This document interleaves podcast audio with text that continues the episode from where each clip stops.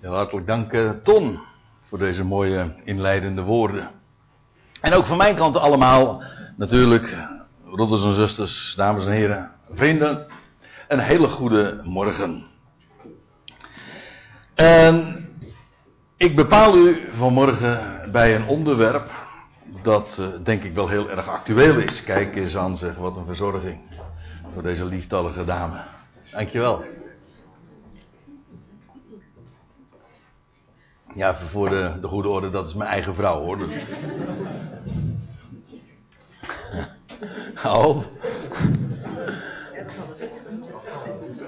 Ja, daar moet je mee uitkijken, dat weet ik. En met actueel bedoel ik dit. We leven momenteel in de, de donkere dagen voor kerst, zoals dat heet. Ja, daar word je deze dagen dan uh, sowieso al erg bij bepaald door de daglengte. Of moet ik eigenlijk zeggen, door de dagkorte. Uh, ik bedoel dit, we, het is eh, pas heel laat licht. En het wordt weer heel erg vroeg donker en het wordt nog erger. En daar komt nog eens een keertje bij dat deze dagen, een dag als deze, ook nog eens een keertje heel erg donker is. En waar heeft een mens dan meer behoefte aan als het zo donker is? Nou, dat lijkt mij uh, duidelijk. Want uh, er is. Juist deze week werd daar in het nieuws of een, een of andere actualiteit rubriek nog op gewezen. dat de verlichting elk jaar in de maand december zo enorm toeneemt nog weer. Uh, terwijl we altijd al uh, ja, in deze maanden, in deze maand met name dan in december, zo er gebrand op zijn om, om lichtjes te hebben. Maar elk jaar wordt het nog weer meer. In de huizen, maar ook rondom de huizen, in de tuinen. dat is. daar kun je natuurlijk van zeggen, ja, maar het is allemaal kunstlicht en mensen die je, je kunt daar uh, op een negatieve manier tegen aankijken en dat is dat mensen iets uh, houvast proberen te vinden in iets wat geen houvast heeft en dat het allemaal maar nep en kunst is. Maar ik zou het eigenlijk op een positieve manier willen duiden en dat is dat het eigenlijk ook iets aangeeft, een natuurwet en dat is dat een mens nu eenmaal gericht is op licht. Althans verlangt naar licht. Dat is zit in onze natuur ingebakken. Zoals een bloem dat trouwens ook heeft. Die keert zich ook per definitie van nature altijd naar het licht toe. Daar is een mens namelijk op gemaakt. En juist als het dan zo donker is, dan wordt die behoefte zo sterk gevoeld van licht. Nou, het is duidelijk dat als we het daarover hebben, dat daar natuurlijk symboliek in gelegen is. Feitelijk voelt elk mens wel aan dat licht ergens voor staat. wij spreken sowieso al van licht en warmte, want ja, die twee hebben ook alles met elkaar te maken. Daar waar licht geproduceerd wordt, daar is ook warmte. En daar komen nog andere begrippen bij ook, die direct daaraan gekoppeld zijn. Bijvoorbeeld wat de vorige keer eh, door mijn broer is, eh, naar voren is gebracht over de koppeling van licht en leven. Daar waar licht verschijnt, daar komt ook leven. En dat verklaart ook het hele fenomeen van de jaargetijden en de lente die straks dan weer aanbreekt. Dat wordt allemaal bepaald door licht. Het is duidelijk, en dat is eigenlijk ook min of meer de basis, de rots uh, van waaruit we vervolgens gaan spreken, dat dit alles een, een taal spreekt, dat wil zeggen, dit gaat eigenlijk over de boodschap die God hierin, in de natuur en in die natuurlijke behoeften die, die de mens ook uh,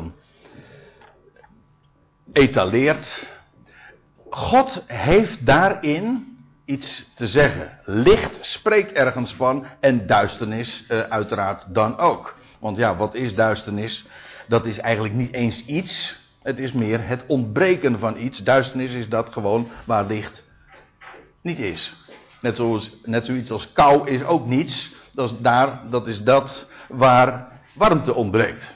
Geldt voor dood ook. Dood is ook niets. Het is namelijk dat waar leven ontbreekt. En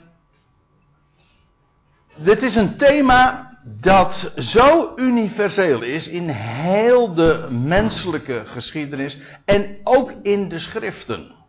En het feit dat wij straks uh, in de, deze, juist in deze decembermaand het kerst vieren, dat wordt natuurlijk sinds een aantal, uh, nou pakweg 18, 19 eeuwen, uh, wordt dat gekoppeld aan de geboorte van Jezus ten onrechte.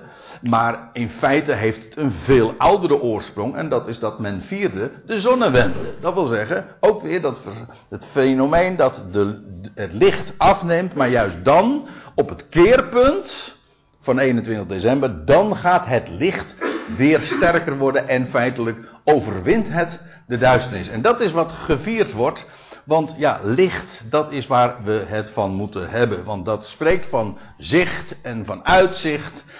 En van die dingen, wel, daar wil ik graag wat eh, meer ook over vertellen. Want vanuit de schrift, net zo goed als vanuit de hele uh, menselijke beleving, de cultuurgeschiedenis en noem maar op, uh, zie je dit thema heel prominent altijd naar voren komen. Licht en duisternis. En het eerste woord wat ik daarbij wil citeren, en ik had uh, in verband met dit onderwerp, nou natuurlijk een, een hele ruime keuze. Er zijn werkelijk honderden schriftplaatsen die allemaal te maken hebben met dit contrast van licht en duisternis. Een hele bekende, en dat is ook de reden waarom ik daar nu ook mee begin. Ik ga een stuk of vier, vijf schriftplaatsen met u bespreken. In die zin heb ik, zoals Ton het inderdaad al zei, erg makkelijk. Want ja, wat ik doe, is ik open het woord en ik laat zien wat er staat. En ik licht uh, bepaalde dingen nog wat nader toe. Kijk, kijk, let op, dat staat er precies. En dat komt daar vandaan en daar komt het ook voor. Nou ja, dat soort dingen. Um, dat doe ik graag. Maar in Jezaja 9, en dat is een woord wat uh, uh, ook in deze dagen nogal eens een keertje wordt uh, geciteerd. Het is namelijk ook hetzelfde hoofdstuk, Jezaja 9, waar ook die woorden geprofeteerd worden, pakweg 6, 7 eeuwen voor de geboorte van de Heer Jezus, bij monden van de profeet Jezaja, dat een kind is ons geboren, een zoon is ons gegeven en het, de heerschappij rust op zijn schouder. Het is dat hoofdstuk wat, e- waarin enkele versen eerder dit gezegd wordt. Het volk dat in donkerheid wandelt. En kijk het maar eens na in het verband. Dan gaat het toch echt over het Joodse volk. Of meer specifiek, uh, meer in het algemeen. Het volk van Israël. Dat volk dat in donkerheid wandelt.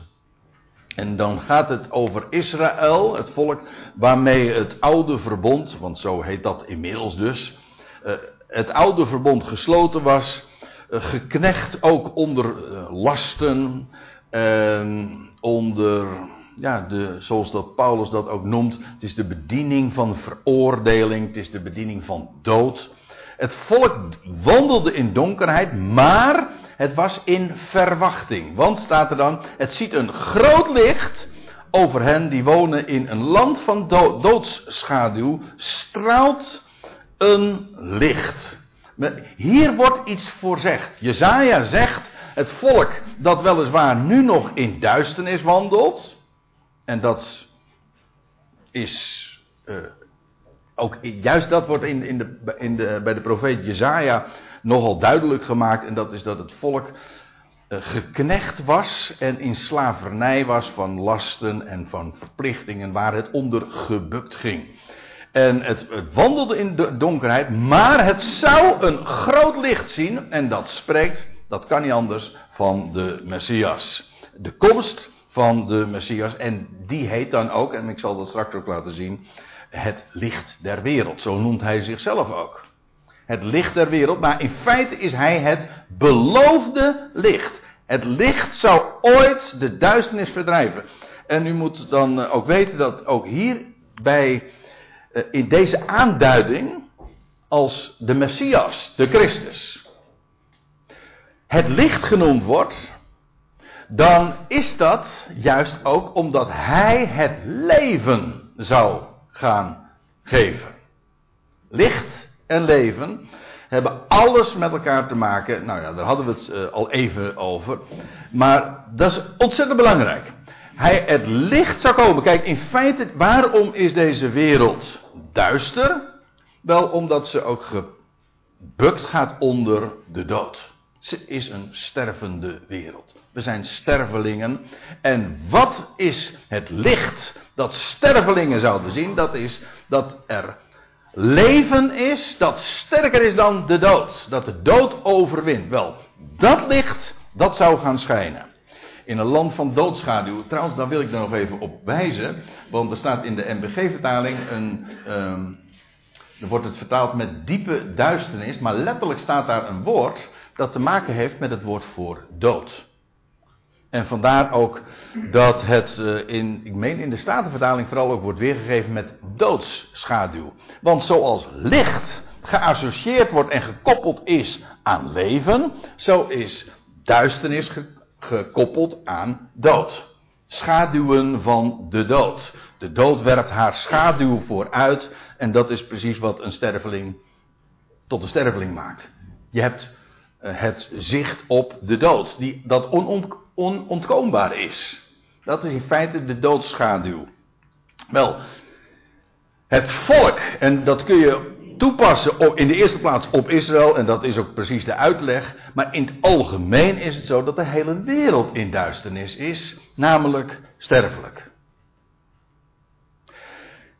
En aan die wereld wordt licht beloofd, namelijk in die wereld die gebukt gaat onder uh, en ja, te maken heeft met die doodschaduw. En zij zullen het licht zien. Zo, zodat je dus uh, twee contrasten hebt, of ja, eh, een contrastpaar, namelijk licht, namelijk van leven, en aan de andere kant doodsschaduw.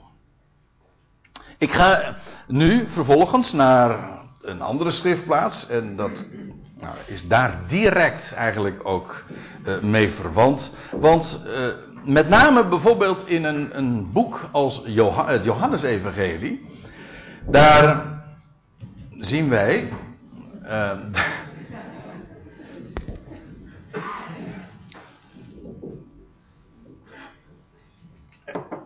dat Johannes heel dikwijls uh, sowieso is hij de zwart-wit evangelist. Dat wil zeggen, hij werkt altijd met contrasten. Met leven en dood. Licht en met duisternis. Met waarheid en leugen. Al dat soort contrasten spelen een hele grote rol in uh, Johannes. Johannes is niet de man van de, degene die nuances en allerlei kleuren laat zien. Maar inderdaad, het is zwart-wit. In Johannes 8, dan lees je, en dat, die context is trouwens erg boeiend, want het heeft ook alles te maken weer met het feest dat Israël vierde, in, ook trouwens in de winter, Chanukka. Als ik me niet vergis, is het momenteel ook Chanukka. Of deze dagen. En dat is ook, eh, dat is ook het, het lichtfeest. Het was in die tijd dat de Heer Jezus ook zei. Uh, ik ben het licht van de wereld. En degene die mij volgt zal niet in de duisternis wandelen, maar hij zal het licht van het leven hebben. Ook hier het licht van de wereld. Hoezo het licht? Wel, hij is degene die was aangekondigd door de profeet. En wat zou hij brengen? Ja, licht in de duisternis. Hij zou inderdaad openbaar maken, want eigenlijk, dus we zullen dat later nog zien in Efeze 5, er is ook een definitie van licht. Namelijk, licht is eigenlijk alles wat openbaar maakt.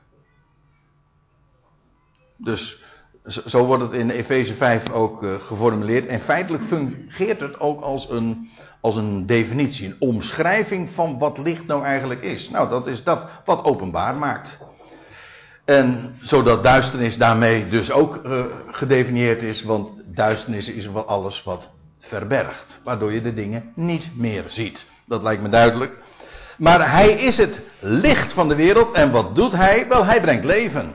leven dat sterker is dan de dood, oftewel opstandingsleven. En dan moet je even goed indenken. Kijk, eh, we hebben soms de neiging om zulke versen eruit te lichten en dan kun je het aan de, aan de wand hangen. Dat is een mooie spreuk en daar doe ik niks van af. Maar dan het gevaar en het nadeel daarvan is dat je dan niet meer de omgeving van zo'n tekst ziet, de hele context, waarom dat zo gezegd wordt. Kijk, de heer Jezus was hier uh, enige tijd voordat hij overgeleverd zou worden, enige tijd voordat hij zou sterven, aan het woord en hij was in de tempel en, en dat hij deze woorden sprak, dat moet je even zien, ook in het licht van die tijd. Dat wil zeggen, hij sprak tot zijn toehoorders. En dan zegt hij tot hen, degene die mij volgt. Die zal niet in de duisternis wandelen, maar hij zal het licht van het leven hebben. Ook dat kun je natuurlijk gewoon in het algemeen zeggen: van ja, als je de Heer Jezus Christus volgt, dan zul je het licht hebben, namelijk het leven. Dat is waar, maar we moeten nu eventjes eh, teruggaan in de tijd waarin de Heer dit zei. Voor zijn sterven. Hij zegt: Als jullie nu naar mij luisteren. Als jullie gehoor geven aan mijn woord. Dan geef ik je de garantie. Degene die mij volgt zal niet in de duisternis wandelen. Dat zeggen, wat dan wel? Nee, die zal het licht van het leven hebben. De belofte wordt gegeven dat als je mij volgt, gehoor geeft aan wat ik zeg, dan zul je mij als de opgestane straks zien. Dat is ook gebeurd. Degene die inderdaad de Heer volgden, die hebben hem in zijn opstanding gezien en ontmoet. Hij is bij vele gelegenheden verschenen, een keertje zelfs aan 500 broeders tegelijk. En hoe groot dat gezelschap precies is geweest, uh, in totaal weet ik niet. Maar we moeten dan denken aan enige honderden, minimaal dus 500. Maar al degenen die de Heer inderdaad gevolgd zijn. En gehoor hebben gegeven aan zijn woord. Die hebben hem in zijn opstanding ontmoet. Dat is een heel boeiend onderwerp. Daar moeten we het bij een andere gelegenheid nog maar eens een keer over hebben.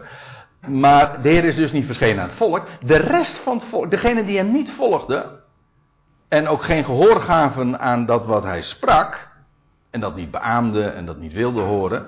Wel, die wandelden in de duisternis. Die hebben geen idee gehad van wat er vervolgens gebeurde.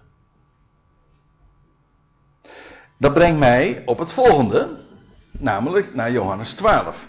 En dat is interessant, want degene die de Bijbelstudie in Bodegraven afgelopen donderdag hebben bezocht, die komt dit bekend voor. Want toen hadden we het juist over dit vers. We bespreken daar uitgebreid. Het was de 42e studie over eh, het Johannesevangelie. En toen hadden we het juist over dit vers. Ehm, dan zegt de Heer Jezus, en dit is nou 1, 2, 3 dagen voordat hij daadwerkelijk wordt overgeleverd. En dan zegt hij, dat, is eigenlijk zijn, dat zijn de laatste woorden die hij aan publiek daar in het, binnen de, de, Joodse context spreekt. De rest van wat hij gezegd heeft, dat is allemaal in de kring van intimi geweest. Maar zijn laatste woorden aan publiek hebben, zoals Johannes heeft opgetekend, wel, die worden hier beschreven. Jezus dan zei tot hen, nog een kleine tijd. We, we hebben het dus over een korte, een paar dagen voor zijn sterven, hooguit. Nog een kleine tijd is het licht onder jullie, te midden van jullie. En nou zegt hij: wandel terwijl jullie het licht hebben, opdat het donker jullie niet zou grijpen. Profiteer nou van het licht, luister naar mij, want wie in het donker wandelt, weet niet waarheen hij gaat. En dan wil ik er even voorbij Ik heb het expres even met een hoofdletter geschreven. Waarom? Omdat dat hij is niet zomaar de mens in het algemeen. Je kunt zeggen, ja, wie in donker wandelt, die weet niet waar die heen gaat. Dat is in het algemeen zo, natuurlijk. Maar waar de Heer Jezus het over heeft, is het over zichzelf. Wie in het donker wandelt, die weet niet waar hij, namelijk hijzelf, ik bedoel de Heer Jezus, hij spreekt hier dus over zichzelf in de derde persoon, waar, waar ik heen ga. Het laatste wat het Jodendom gezien heeft is dat Jezus van het kruis gehaald werd en vervolgens in het graf werd gelegd. Dat was het laatste. En waar die vervolgens gebleven is, men weet het niet. Ja, men, uh, het één ding is zeker, de derde dag, toen werd de steen weggerold en het graf was leeg. Vriend en vijand was daarover eens. Dat was gebeurd. Maar waar die eigenlijk heen was, ja, men heeft een leugen verzonnen en men gezegd dat de discipelen het lichaam gestolen hebben en, dat, uh, en dat dat dan het lege graf zou moeten verklaren, wat bizar en absurd is. Maar men wandelde dus in het duister. Men volgde de Heer Jezus niet. En dus wandelde men in de duister. Men wist niet wat er van de Messias is gebleven. Men, heeft, men had het licht niet meer onder zich. En dus ook niet. De waarheid van de opstanding is hen ontgaan. En men wandelde zo dus letterlijk ook in de duisternis. Ik vind. Ik benadruk dit voordat we nu naar de brieven van Paulus gaan, ik benadruk dit omdat dit heel historisch is. De Heer Jezus, dit zijn maar niet zomaar van die mooie metaforen van licht en duisternis. Waar de Heer het over heeft, is degene die niet mij volgen en degene die niet naar mij luisteren, die zullen die tasten in het duister over mijn lot. En die weten niet wat, wat er van mij zal worden. Dat ik daadwerkelijk de Messias ben. En dat ik het leven aan het licht breng. Die wandelen dus met recht in het duisternis. En die hebben geen idee waar ik, eh, waar hij, dus de Messias, eh, heen zou gaan. Dat, zij hebben dus niet het licht van het leven. De waarheid van de opstanding ontgaat hen. Nou, ik heb nu wat gelezen uit het boek Jezaja, de profetie over de komst van het licht. Ik heb wat gelezen uit het Johannesevangelie, waar de Heer zelf zich als het licht van het leven benoemt. Dan gaan we nu naar, het, uh, naar de brieven van Paulus. Daar wil ik ook een paar passages uit lezen. Ik zei al, mijn, de, de keuze rijkdom was enorm. Als we het hebben over dat contrast van licht en duisternis en hoeveel schriftplaatsen je daar niet voor kunt, kunt noemen. Want nou kunt uh, u met gemak natuurlijk straks ook naar mij toe komen en zeggen van... Waarom heb je niet over uh, Psalm 119 gesproken? Van uw woord is een lamp voor mijn voet en een licht op mijn pad. En dan zeg ik van ja, zo weet ik er nog wel een paar. Er zijn er vele, vele schriftplaatsen. Dus als u zegt van het is heel selectief wat je doet, ja, dat is, dat is absoluut het geval. Maar ik wil een paar highlights, zeg maar, in, uh, vanuit, uh, vanuit dit perspectief ook uh, tonen. Met recht highlights, ja. Romeinen 1. Nou, dat is dat hoofdstuk waarin naar voren gebracht wordt dat heel de wereld op de hoogte is of kan weten dat er een schepper is. Want dat wordt namelijk met het verstand doorzien. En ja, ik haak nu aan in vers 21, omdat het me om dit vers gaat, met name om het slot van het vers. Maar ik, ik wijs er even op. Kijk, wat Paulus naar voren heeft gebracht is dat elk intelligent mens, dat wil zeggen een mens begiftigd met verstand, die herkent intelligentie in heel de schepping. Als je intelligent, kijk, als je geen intelligentie hebt, uh, dieren weten daar niet van, want die missen die intelligentie en het vermogen om te denken van, oh, maar dat is zo knap in elkaar gezet, daar moet een creator zijn.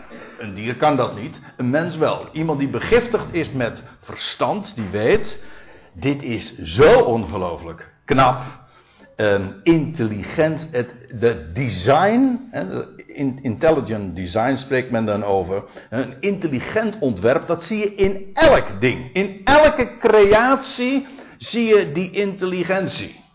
Wel, een intelligent mens, een mens begiftigd met verstand, herkent. Ik, nou ja, laat ik het dan even voorlezen. Nou, had ik er toch beter eventjes een diaatje van kunnen maken natuurlijk. Maar er staat, want hetgeen van hem niet gezien, hem, God, niet gezien kan worden, namelijk zijn onzienlijke kracht en goddelijkheid. Ik bedoel, God zelf onttrekt zich aan de waarneming. Hij is, maakt geen deel uit van de schepping. Hij is de onzienlijke God. Maar dat wordt vanaf de, schep, vanaf de schepping der wereld uit zijn werken met het verstand doorzien, zodat ze geen verontschuldiging hebben. Met andere woorden, elk mens weet van God. Hij moet er zijn. Dat is. Uh, dat is zelfs uh, ingeschapen. Uh, het loutere feit dat een mens ook zoekt naar de zin van het bestaan geeft al aan dat hij er eigenlijk van uitgaat dat het bestaan een zin heeft. En dat hij dus bedoeld is en dat er dus een schepper moet zijn. Iemand die hem, die aan het bestaan een bedoeling toekent.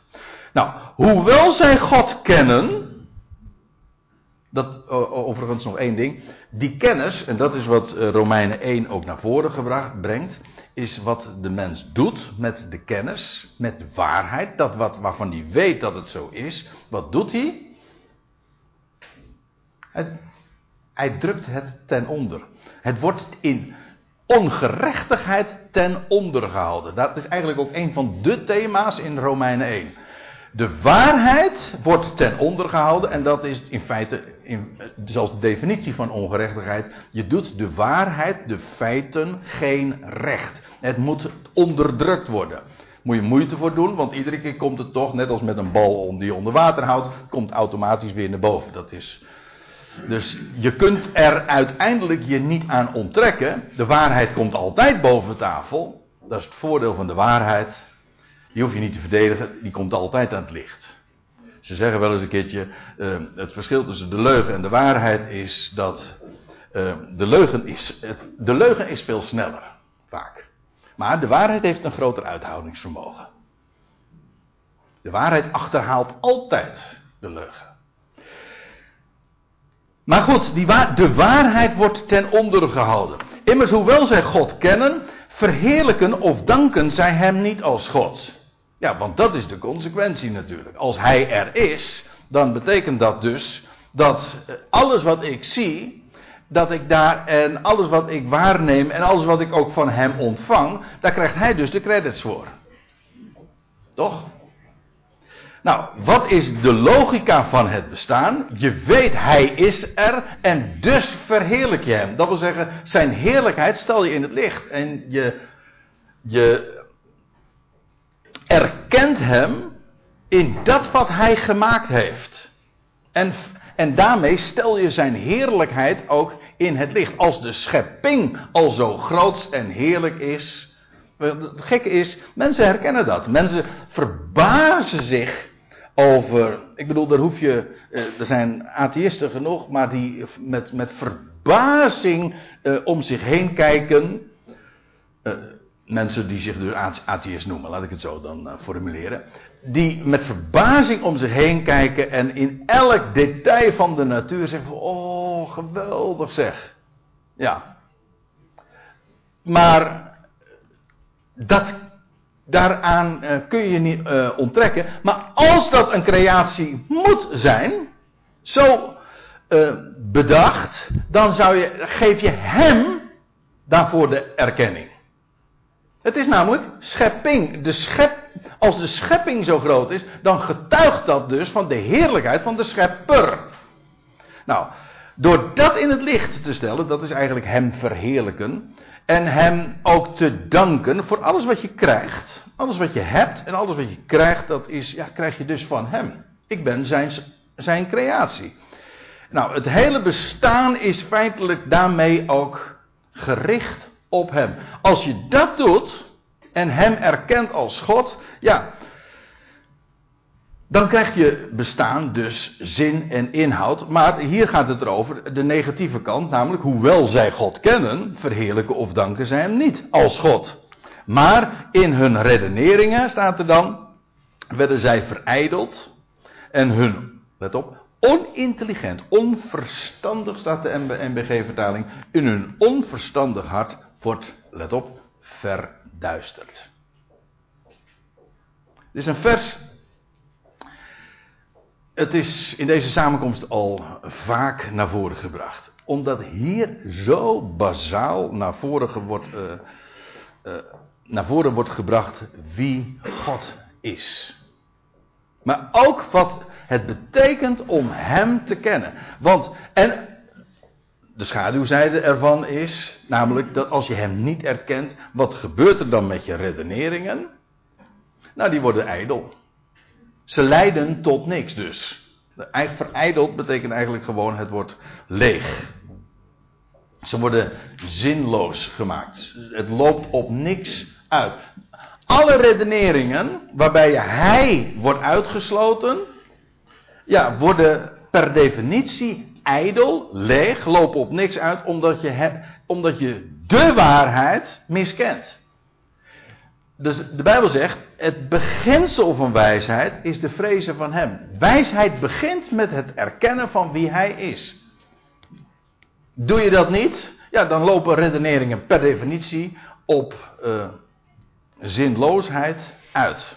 Slaan helemaal nergens op. En hoe hoog je IQ ook is, en wat je wetenschappelijke status ook mogen zijn, en wat voor uh, erkenning je ook hebt gekregen, en papieren en titels, het is allemaal waardeloos. Waardeloos. Het, loopt, het, is volgens, het stelt helemaal niks voor, omdat het niet gebaseerd is op de waarheid, namelijk dat Hij God is. En dus worden de redeneringen verijdeld, maar bovendien hun onintelligent hart. Want ja, het is onintelligent om geen intelligentie te herkennen. Dat is, dat is dom. Als je intelligentie niet herkent, dan ben je dom. En daarom staat er ook: hun onintelligent hart wordt verduisterd. Dus het licht schijnt daar niet in en het is donker. Let op. Donker. En dat betekent, er is geen licht. Een mens, alleen door de erkenning van de God, kan het licht genieten. Je ogen gaan stralen op het moment dat je God kent en erkent. En dan krijg je uitzicht. Want uh, weet je wat er gebeurt? Als, als je God wegredeneert, dat betekent dat het bestaan zinloos wordt. Dan zijn we hier zonder enige reden. Dit is, let op, dit is feitelijk ook de algemene filosofie in de wereld. Want ook als uh, men zegt van wij zijn, niet, uh, wij zijn geen atheïst of we zijn agnost. Een agnost, hè, iemand die zegt van oh, we weten het niet, is in de praktijk een atheïst omdat hij niet rekent met God. Hij is in de praktijk gewoon iemand die God buitensluit. Feitelijk doet de wetenschap dat sowieso, want ze zegt we gaan eigenlijk alleen maar uit van dat wat we zien en wat we waarnemen. Wat prima is, maar daarmee geef je ook al aan van het belangrijkste van het bestaan, daar rekenen we niet mee. Ja, dan moet je ook niet, uh, dan moet je ook niet gek uh, van opkijken dat uh, God daar niet in terugkomt, want je hebt op voorhand al afgesproken van we rekenen er niet mee hun onintelligent hart wordt verduisterd. Want het betekent dus dat het bestaan zinloos wordt. Dat betekent dus ook dat je geen zicht hebt op de, een, het motief. Dat er iemand is die ons met een reden gecreëerd heeft. Die een plan heeft. Maar die dus ook zijn weg gaat. En zijn plan uitvoert. En die een geweldig uitkomst voor ogen heeft voor elk schepsel. God houdt van zijn schepping. Maar als je dat niet ziet, ja, dan ontbreekt het licht dus. En ontbreekt dus ook uitzicht, inzicht. Nou, een soortgelijke waarheid zien we in Efeze 4.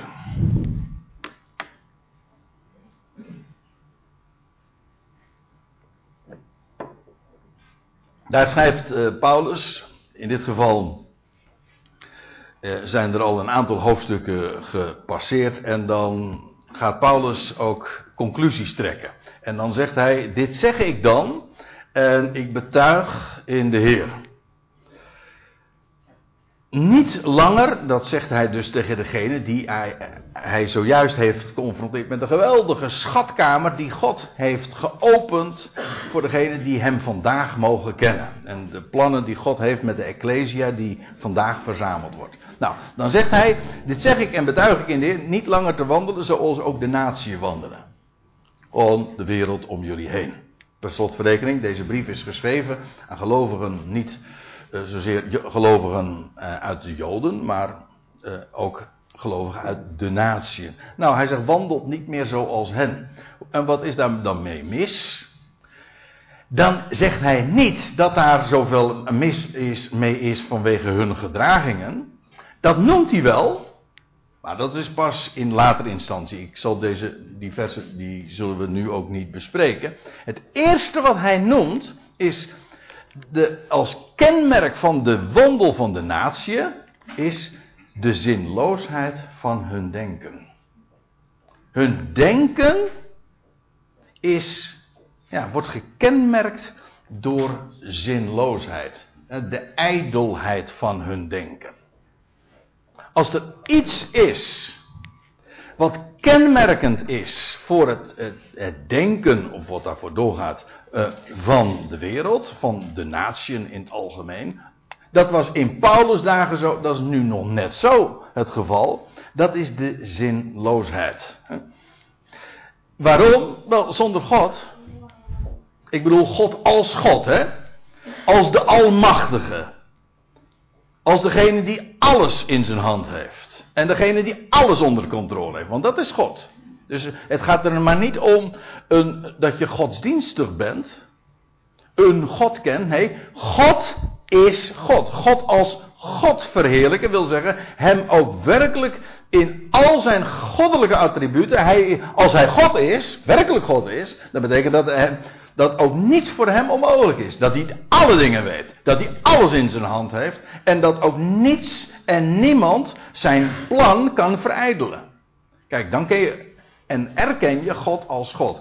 Maar op het moment dat je die God, met hoofdletters allemaal, buitensluit, dan is alles ijdel. Heeft, alle, heeft niets werkelijk zin. De consequentie ervan is natuurlijk, en dat is wat Paulus dan ook in de navolgende versen zegt, ja, als het bestaan dus zinloos is, ja, dan betekent dus dat we ons eh, bestaan dan maar uh, franje moeten geven en dan gaan we ons bestaan overgeven uh, aan. nou, laat ik het even voorlezen. Een paar, toch een, een paar elementen in vers 19. Daar staat er, zij emmers hebben zich in hun verdoving overgegeven aan losbandigheid, om gretig winst te slaan uit allerlei onreinheid. Uh, in de navolgende versen uh, maakt hij dat dan nog, ook nog weer meer duidelijk. Het punt is dat hij dan zegt van ja, men. In feite kan een mens namelijk niet leven met het, met het idee dat je bestaan zinloos is. En wat doe je? Je geeft je over aan verdoving. En je maakt er wat van, maar ja, het kenmerk daarvan is dat het ook weer een enorme kater geeft. Het is allemaal, de vreugde die je aan je bestaan dan geeft, is nep. Het is niet werkelijke vreugde.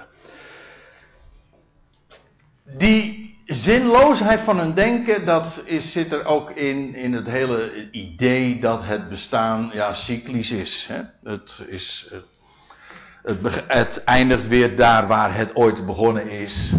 En het leidt werkelijk nergens toe. Als je God kent, God als God kent, dan is het bestaan, als ik het even netjes mag zeggen en deftig, is lineair. Het heeft een begin en het heeft een einde. Er, het heeft een motief en God werkt ergens naartoe naar een einddoel. Dat hij hoe dan ook realiseert. Als het bestaan slechts uh, zonder God is het cyclisch, ja, uh, het, het, komt eigenlijk nergens vandaan. Het heeft ook geen zin. En uiteindelijk eindigen we daar weer waar we begonnen zijn. Nou, dan ben je dus niks opgeschoten.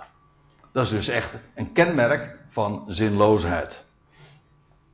En dan staat er nog bij, verduisterd in hun denkvermogen en vervreemd van het leven van God. Eigenlijk is dat allemaal hetzelfde. Want je bent de zinloosheid in het denken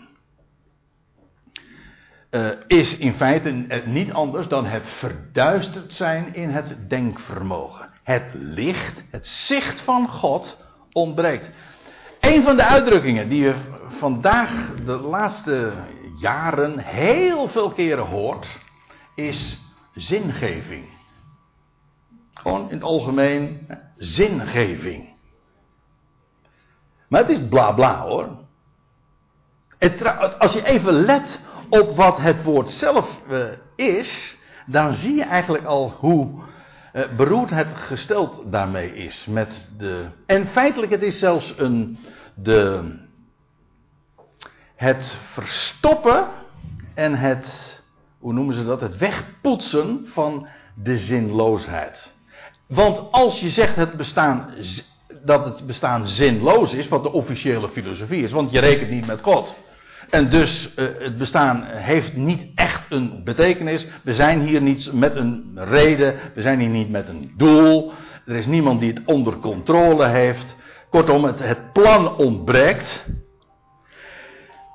Dat betekent dus dat het licht ontbreekt. En, maar het, er is ook geen zin. En dus, omdat het bestaan geen zin heeft, moeten we het bestaan een zin geven. Juist dat woord zingeving demonstreert dat, het, dat men erkent het bestaan is zinloos. En dus moeten we ja, er iets uh, voor in de plaats ge, uh, geven met recht. Dat dan maar moet maskeren, want het is maskeren, dat het bestaan zinloos is. Maar dat is duisternis. Duister in het denkvermogen, vervreemd van het leven van God. En dan staat erbij vanwege de onwetendheid die in hen is, vanwege de verharding ook van hun hart. Want het hart wordt er heel erg donker van, verduisterd, maar daarmee ook koud. Want zonder God is het dus ook geen doel, maar ook niemand die deze schepping omvat en die een hart heeft voor ieder creatuur. Dit is zo. Dit is zo de basis van het bestaan. Als je weet, Hij is er. Hij staat aan het begin, hij staat aan het eind en hij maakt alle dingen goed. Ja, dan heeft je bestaan zin. Ik ben er niet zomaar en alles komt ook goed. Maar dat, dat is wat licht is. Als je, ik bedoel, je kan je hele tuin en je hele huis verlicht hebben met, uh, met van alles en nog wat. En kaarsjes branden en... Uh...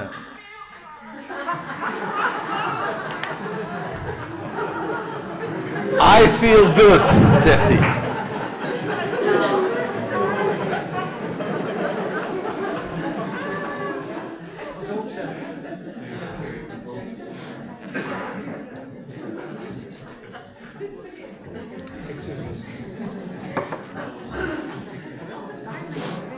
En terwijl we het hebben over licht, krijgen we de, het berichtje door van I feel good.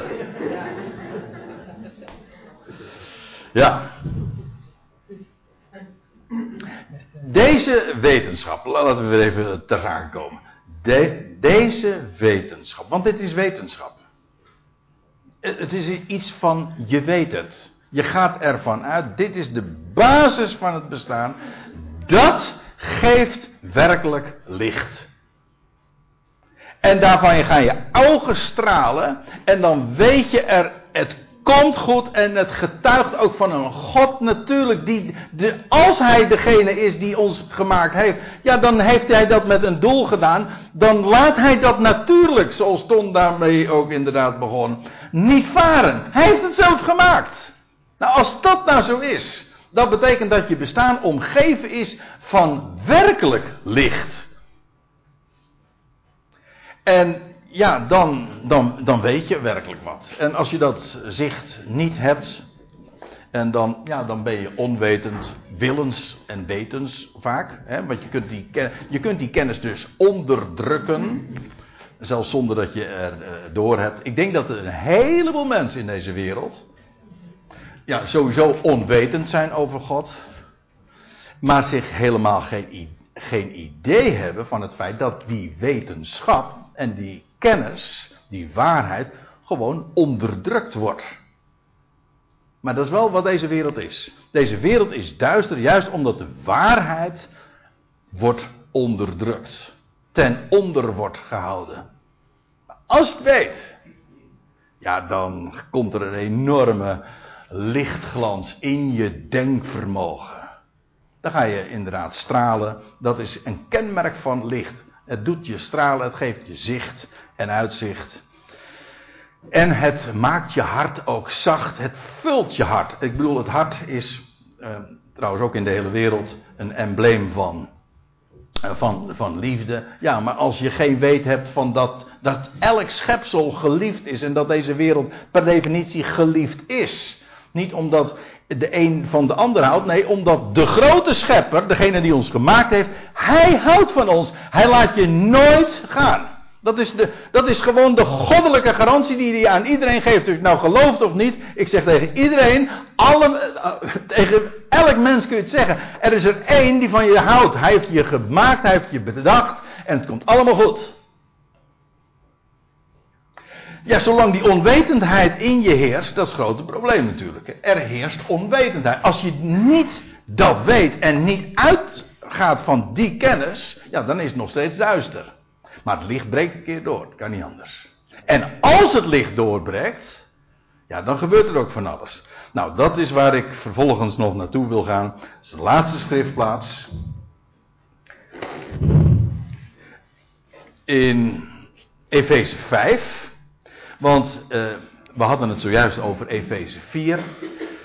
Uh, over de wereld die in de duisternis wandelt. Nou, dat, dat grijpt uh, in het begin van vers 8 meteen daarop terug. Want jullie waren eens duister. In, of jullie waren eens duisternis. Dat wil zeggen zonder zicht. Dat is wat duister is, toch? En zonder inzicht. En zonder uitzicht. Dat is duister. Geen idee waar je vandaan komt, geen idee waar je naartoe gaat. Dat is duisternis. Jullie waren eens duisternis, maar nu licht in de Heer. En nou zegt Paulus, wandelt als kinderen van licht. Dat is het. Je hebt het licht en nu heb je vervolgens ook het voorrecht om in dat licht te wandelen. Ik, uh, ik hou er niet van om te zeggen van nu hebben we de taak of de plicht uh, om daar, want dat, uh, dat vind ik een dissonant. Ik, ik beschouw het namelijk als een enorm voorrecht. Om als je uit de duisternis komt en dan in het licht gezet bent en weet hoe het zit, om dan vervolgens ook in dat licht te wandelen. Om te zeggen van ja, dat is onze plicht. Dan zeggen we, dat is toch bizar. Zo, zo praat je toch niet over een voorrecht. Dat is net zoiets als dat je zegt, ik moet naar een feest. Hm? Nee, daar mag je naartoe. Anders is het geen feest. Sorry, dan is toch geen feest. Nou, het wandelt als kinderen van het licht. Het grote voorrecht is als je het licht eenmaal gezien hebt en, en je hebt die wetenschap gekregen en het maakt deel uit van je bestaan, dat je vervolgens elke stap die je zet, je wandelt dus, elke stap die je zet, mag wandelen in dat licht. En dat mag uitstralen en daarvan mag getuigen en daarvan mag spreken. En dat is niet alleen maar iets van binnen. Het is niet alleen maar dat het je denken verandert. Ik ga u dit vertellen. Dat heeft ook een uitwerking in het gedrag. Want, daar staat erbij, de, het is even een tussenzin van Paulus in vers 9. Want de vrucht van het licht is in alle goedheid en rechtvaardigheid en waarheid Terwijl je toetst wat de Heer wel vervallig is. Maar even dit. De vrucht van het licht. Let op. De vrucht van het licht wil zeggen, er is licht en dat licht heeft, werkt iets uit. Dat heeft een effect. Dat heeft, brengt namelijk vrucht voort. Of, maar, maar daar hadden we het in het begin al over. Licht is de reden van leven. De vrucht van het licht is dat als een mens eenmaal het licht ziet, het ja, waarbij ik onder het licht versta. Ja, wat kun je daaronder verstaan? In de eerste plaats hebben we het over God. God is licht. Zijn woord is licht. Openbaart alles, nietwaar? Het is in nog sterkere zin. In de, in, als, ik bedoel nog sterker. Ik, uh, als je dat beziet in het licht van Efeze 5. Het is de opgewekte Christus. Als je even een paar versen doorleest.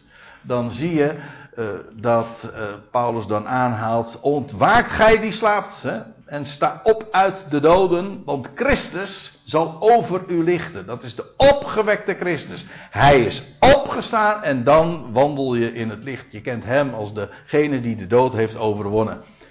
Maar als je dat licht dan gezien hebt, dan gaat dat iets uitwerken. Niet dan moet het iets uitwerken, zoals een als iets wat je opgelegd wordt. Nee, dan gaat het iets uitwerken. Dat kan niet anders. Dat is een wetmatigheid.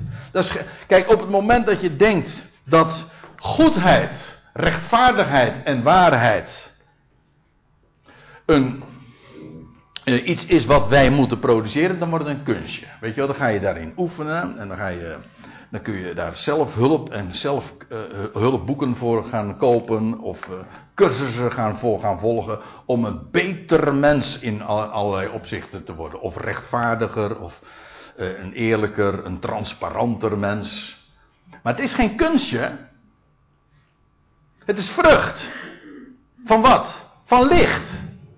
Als je eenmaal het licht hebt gezien, ja, ik bedoel, het leer, als je eenmaal zicht hebt op wie God is, ik bedoel daar ook heel, dat helemaal niet mysterieus.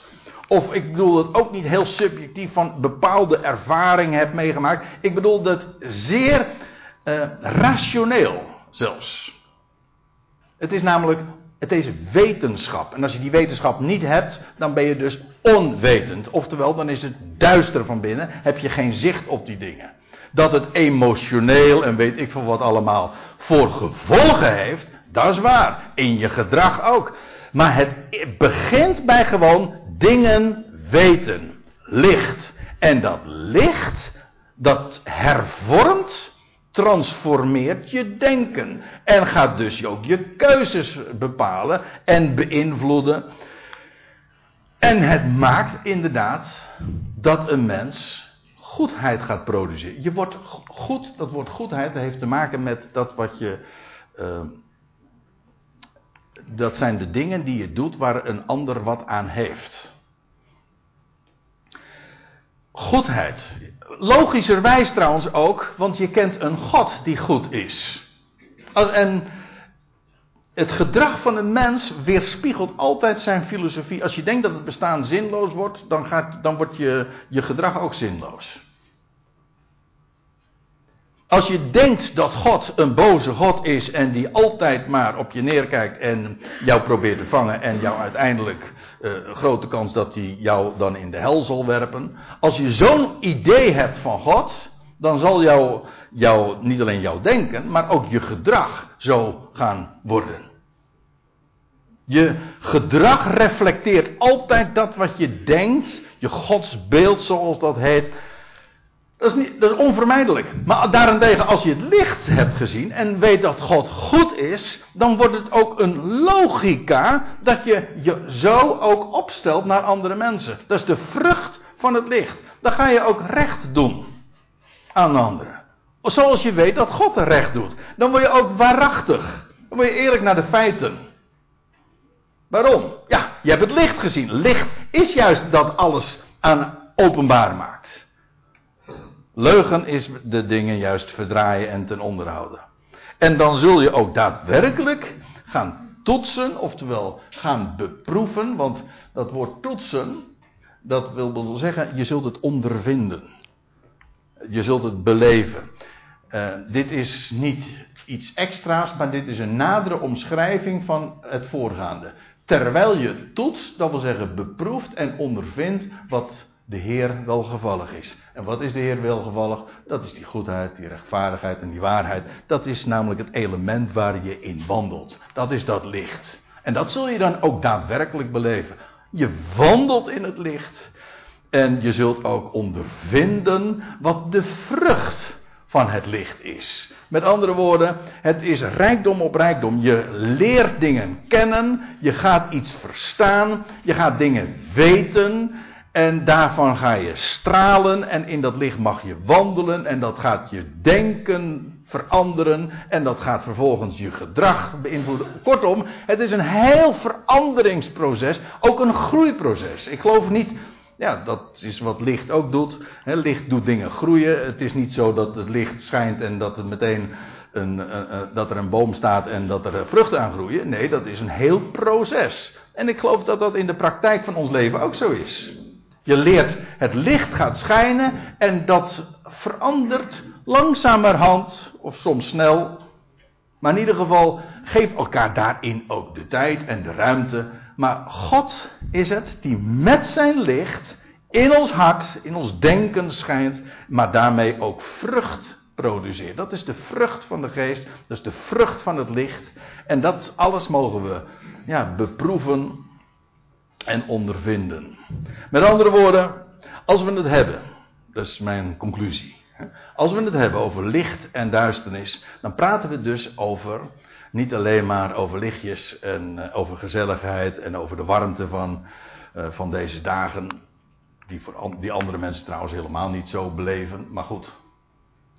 Nee, dan praten we over dat wat werkelijk aan ons bestaan zin geeft. En dat werkelijk een mens doet stralen. En ik denk, ik weet dat er niets is wat in een donkere wereld zo zeer nodig is. En waaraan zo'n behoefte is als juist aan het licht, met allemaal hoofdletters, het licht van het leven. En wat een voorrecht is het om ja, dit licht te kennen, maar ook dit licht uit te stralen en daarvan te spreken en daarin te wandelen. En zo hopen we deze maand, niet alleen deze maand, maar in het algemeen, eh, in dit licht eh, ook te, te beleven en te ondervinden en te beproeven. Zullen we het daar voor morgen bij laten?